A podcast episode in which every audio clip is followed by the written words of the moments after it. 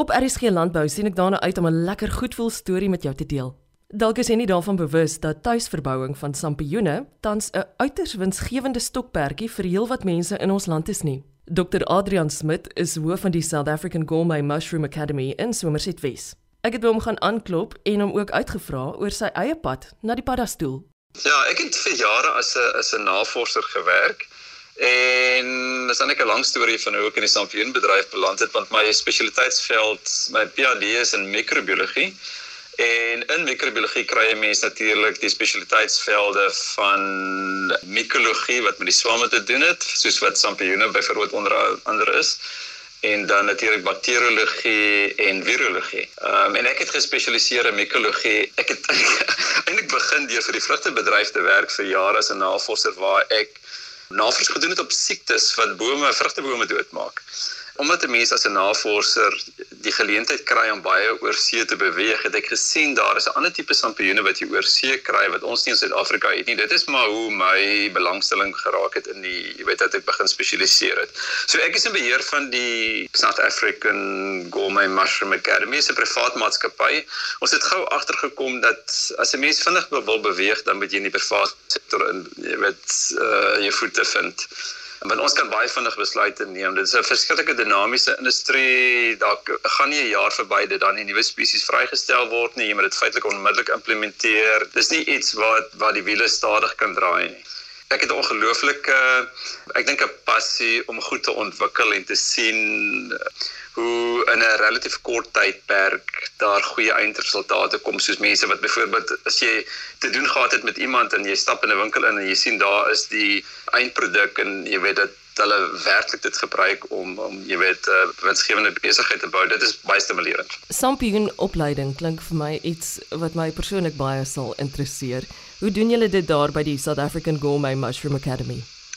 Ja, so ons uh, opleiding was aanvanklik gebaseer dat ons hoofsaaklik met uh, hoofstede gewerk het. So ons het opleiding gedoen in Johannesburg, Kaapstad, Durban, Port Elizabeth, jy met al die plekke waar ons gedink het mense sou die opleiding benodig. Maar met COVID het ons natuurlik ons strategie verander. So ons doen presies dieselfde prakties georiënteerde opleiding, maar ons doen dit via of e-learning of ons doen dit dan virtueel waar ons dit met Zoom doen op spesifieke dae en tye. Nou ons werk met 'n jaar vooruit skedule vir vir byvoorbeeld ons virtuele kursusse dis alles op ons webblad so persoonlik kan ingaan en ons wat ons eintlik doen is ons herhaal dieselfde kursusse maand na maand na maand ons werk nie met groot groepe nie ons werk verkies om met een op een te werk so 'n persoon wat opleiding doen met een persoon of 'n maksimum van 2. So in werklikheid beteken dit dit is 3 in 'n groep, so dis die persoon wat die opleiding doen in een of miskien twee persone. Dit is baie belangrik vir ons dat mense moet verstaan dit is 'n praktiese konsep en jy moet al daai aspekte deurpraat. Nou ek wil net in dieselfde asem noem dat uh, mense kan nie net opleiding doen en mense los nie. Ek bedoel ek dink ons is die enigste sampioen opleidingsorganisasie in die wêreld wat 'n komplementêre na opleidingsdiens het. So dit beteken nou wanneer jy jou opleiding voltooi, dan beteken dit mense gaan nou en hulle begin alles prakties in plek sit. En hulle betaal ons nooit eh, daar's geen rede om ons te betaal daarvoor nie. Ons wil hê dat elke persoon suksesvol moet wees. So ons neem persone vir jare op 'n en ek wil eintlik sê 'n ondersteuningsbasis. En so ons haat dit as mense, jy weet, vir ons vra of jy weet of ons betrokke is en of dit beskikbaar is vir konsultasie. Want ons wil nie daai woord sien nie. Ons doen nie konsultasie teen betaling nie. Ons ons gee opleiding en dan het ons 'n komplementêre na ondersteuningsdiens. Wat behels hierdie opleiding? Ek dink ek moet op hierdie stadium net verduidelik dat die sampioenbedryf het eintlik twee komponente. Nou 'n kliënt wat instap in 'n winkelgroep gaan die gewone knoppie sampioene sien. Nou dit is die gewone wittes wat ons ken, die klein knoppie sampioene, maar jy kry ook 'n variëteit wat 'n bruin kop het. En as dit daardie twee spesies groter groei, dan het ons wat ons eintlik noem die groot bruin braai sampioen of die hulle adverteer dit baie keer net as die bruin sampioen. Nou daardie is forme is alles verskillende aspekte van een spesies. Maar dit is 'n komposgebaseerde sampioen en dit word in oop rakke gegroei, tradisionele stelsels met 'n komposmengsel van strooi en dieremis wat dan natuurlik 'n reuk betrokke is as jy dit nie reg doen nie jou sonering waar jy dit doen met heeltemal reg wees en dit is glad nie waarop ons fokus nie. Ons fokus is op wat ons noem die gourmet sampioenbedryf. Nou dit is eintlik enige sampioenspesie wat eetbaar is wat verbou kan word behalwe die knoppie sampioen. Want ons mag van 'n heel totale ander metode gebruik. Ons gebruik net plantmateriaal. Ons sit dit net deur 'n stoomproses en daarna sit ons die inoculum by en ons sit dit deur die groeiproses. Daar is geen 3 weke komposteringsfase en al sulke dinge soos met die gewone knoppie sampien bedryf nie. So ek uh, dis die eerste aspek wat ek net wil wil uitlig.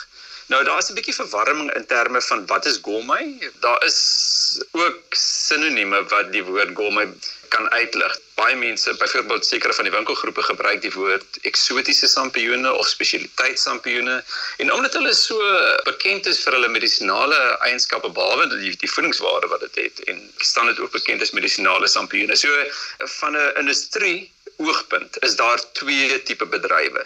Jou battensampioenbedryf wat ons die knoppie sampioenbedryf waar ons nie eintlik betrokke is nie maar wel dan die gomme en nou die die gomme reeks sou sampioene insluit so shiitake sampioene uh shimei inoki's oester sampioene daar's 'n hele reeks van meer as 20 verskillende oester sampioene ensovoorts dit is 'n reeks van meer as 100 verskillende spesies en ek dink mense die mense begin dit al meer agterkom soos wat hulle in winkelgroepe beweeg en hulle sien maar ons is verby die fase waar daar net een tipe sampioen beskikbaar was en natuurlik almal van hierdie in die gourmet reeks het uiteenlopende smaak patrone.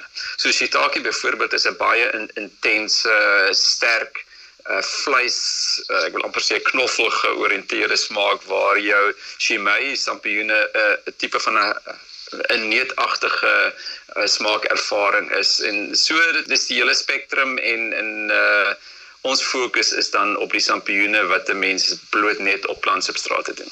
Wie is die persone wat tipies aantree vir hierdie opleiding? Is dit boere of is dit ook agri-entrepreneurs? Ja, dit is ek ek kan nie anders as om te lag daaroor nie. Ek dink nie daar is 'n beroep wat nog nie onder ons hande deurgeloop het nie. Ek vind om jou direkte antwoord dink ek ek vind dat mense wat groen vingers het baie maklik daarin beweeg. So dit was sê enige iemand wat sou hou van plante of wat baie prakties georiënteerd is wat 'n baie goeie besigheidsbenadering het ook.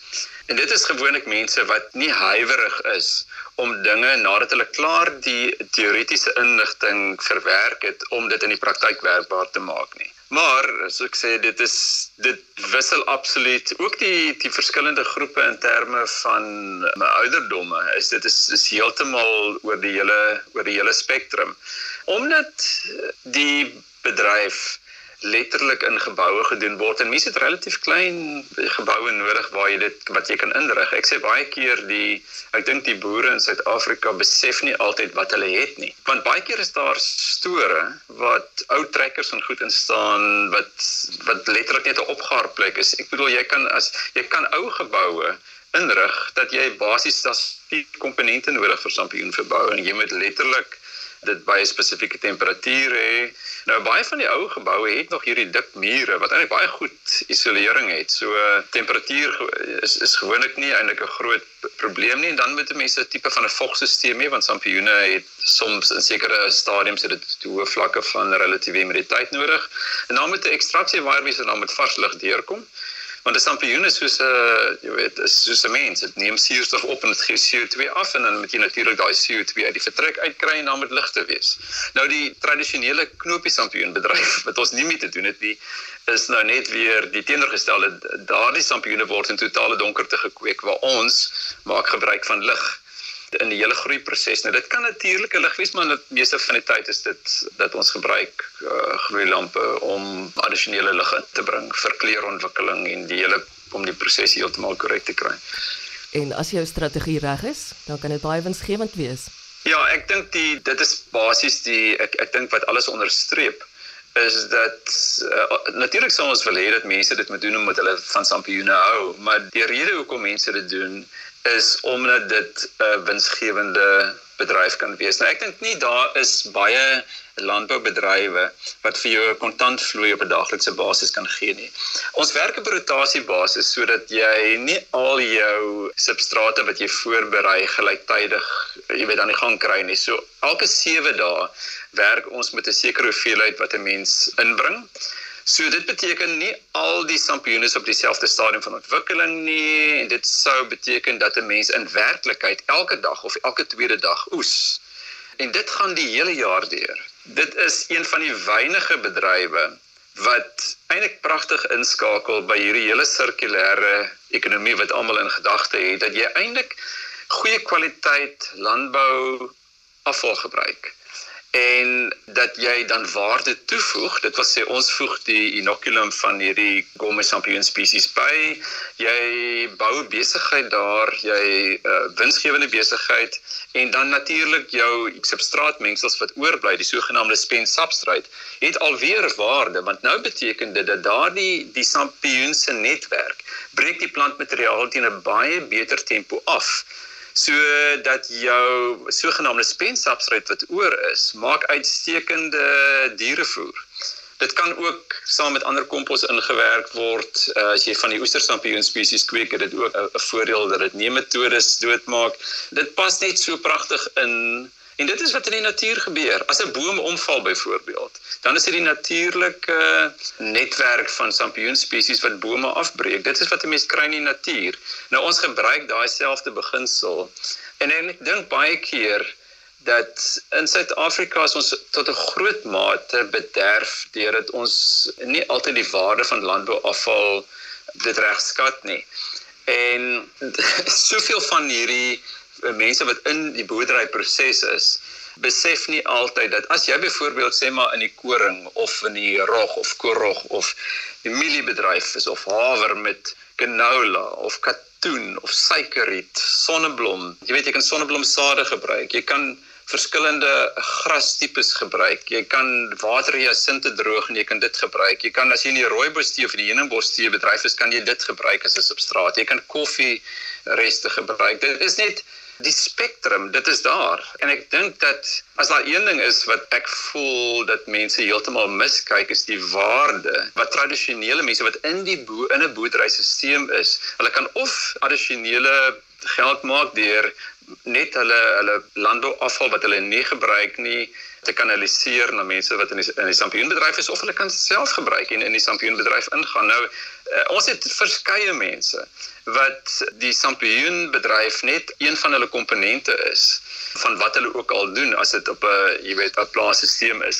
Ons het so uiteenlopende uh, groepe. Ons het al mense opgelei wat ek bedoel dit is oogkundiges, dis mediese dokters, maar as jy mooi gaan kyk, is dit mense wat eintlik aanvanklik in plante 'n belangstelling gehad het en later as gevolg van hulle volgeloopbaan en dan kom jy op 'n punt van jou lewe dat jy miskien sê ek het nou genoeg bereik wat ek wil in die lewe en dan begin mense teruggaan na dit wat jy eintlik oorspronklik wou gedoen het. Dan is is dis waarde van geld nie noodwendig vir jou die maar die plesier wat jy daaruit kry en dan kry jy natuurlik dat daar heel wat befondsing beskikbaar is vir natuurlik vir werkskepping vir alles waar vroue is by betrokke is ons vind ook dat vrouens die sampioenbedryf ongelooflik bevredigend vind omdat dit nie dieselfde uitdagings het soos byvoorbeeld tradisionele landbou wat blootgestel word aan al hierdie elemente wat 'n mens nie kan beheer soos haal en vloede en al hierdie dinge wat daarmee saamgaan. So dit is 'n baie meer gekontroleerde bedryf